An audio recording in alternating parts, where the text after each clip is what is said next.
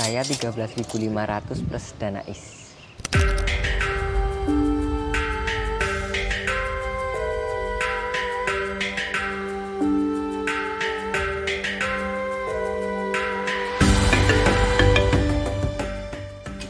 Halo, saya Dr. Inggar Bagus Wibisana. Saya adalah seorang dokter dan abdi dalam penari Karaton Ngayogyakarta Hadiningrat.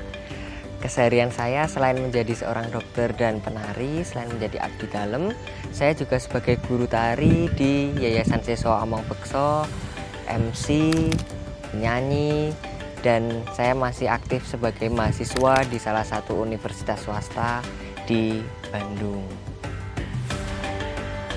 Jadi di Keraton Ngayogyakarta Diningrat itu ada dua golongan ya, ada dua jenis abdi dalam. Yang pertama abdi dalam Punokawan, yang kedua abdi dalam Keperajan. Nah, abdi dalam Punokawan itu yang menjalankan keseharian di keraton, tugas-tugasnya di keraton. Abdi dalam Punokawan itu juga terbagi menjadi dua, abdi dalam Punokawan Tepas dan abdi dalam Punokawan Caos.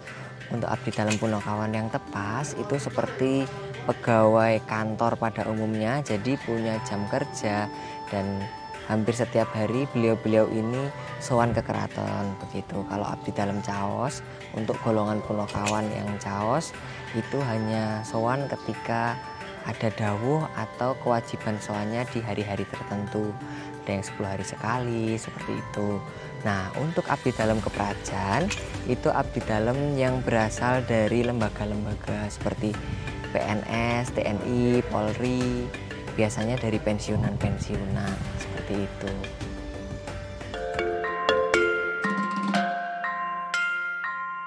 Saya memilih menjadi abdi dalam karena saya cinta dengan budaya saya alasan mendasarnya itu.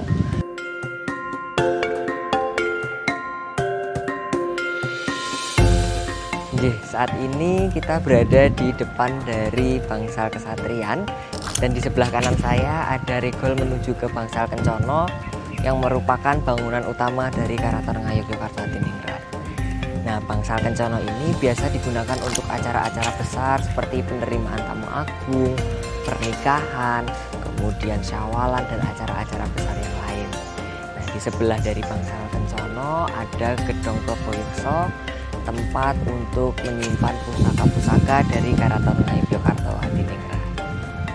Nah, di dalam area kedaton juga terdapat gedong jene atau gedung kuning yang digunakan sebagai tempat tinggal dari Sri Sultan dari HP pertama sampai ke 9 yang merupakan rumah tinggal utama itu.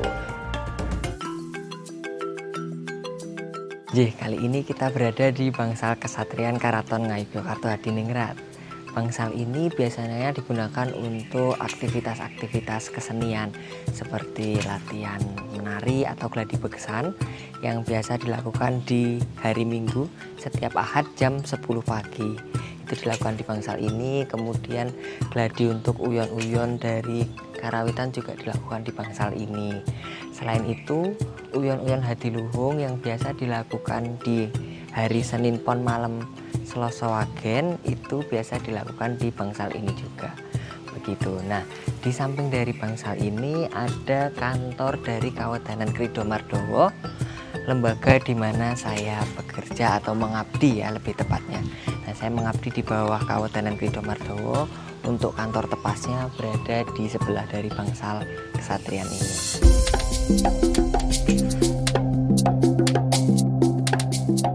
Ya, jadi aktivitas sehari-hari saya ini saya jelaskan dalam satu minggu aja ya. Jadi aktivitas sehari-hari saya dari hari Senin sampai hari Minggu itu di hari Senin sampai Sabtu saya jaga atau kerja sebagai seorang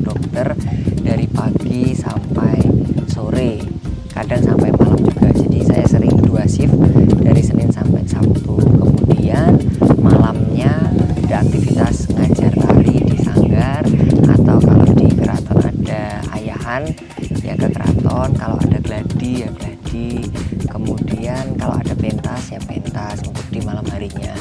Untuk di hari minggu itu biasanya memang saya kosongkan terjaga untuk aktivitas-aktivitas berkesenian. Karena saya kan abdi dalam atoyo atau abdi dalam penari yang punya kewajiban untuk soan setiap hari minggu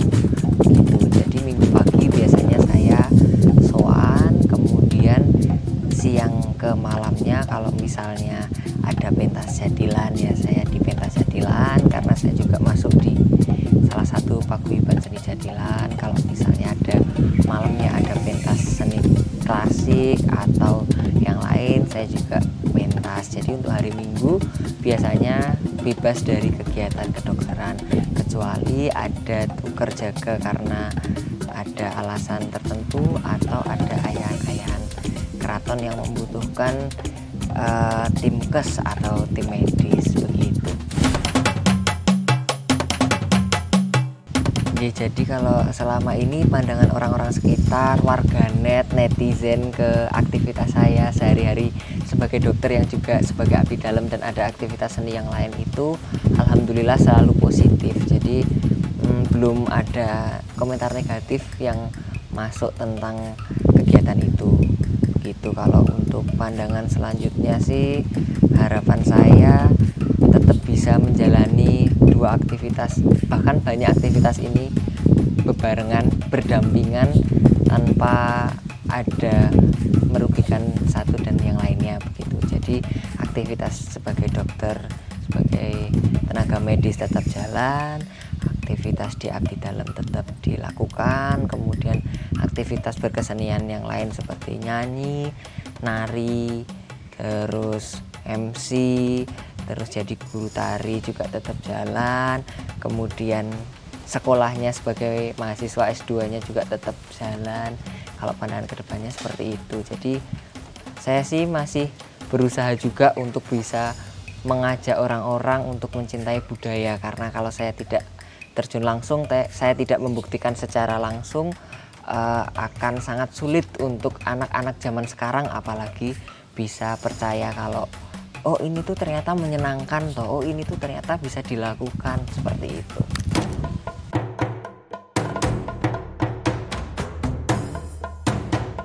Saya 13.500 plus dana is. Hal menyenangkan ketika saya menjadi abdi dalam uh, semua hal di keraton itu menyenangkan karena keraton itu kan penuh dengan filosofi ya. Jadi di keraton saya belajar banyak hal tentang unggah-ungguh tentang filosofi kehidupan. Kemudian kalau yang biasa dipikirkan anak muda itu menyenangkan itu kan yang agak hura-hura gitu ya.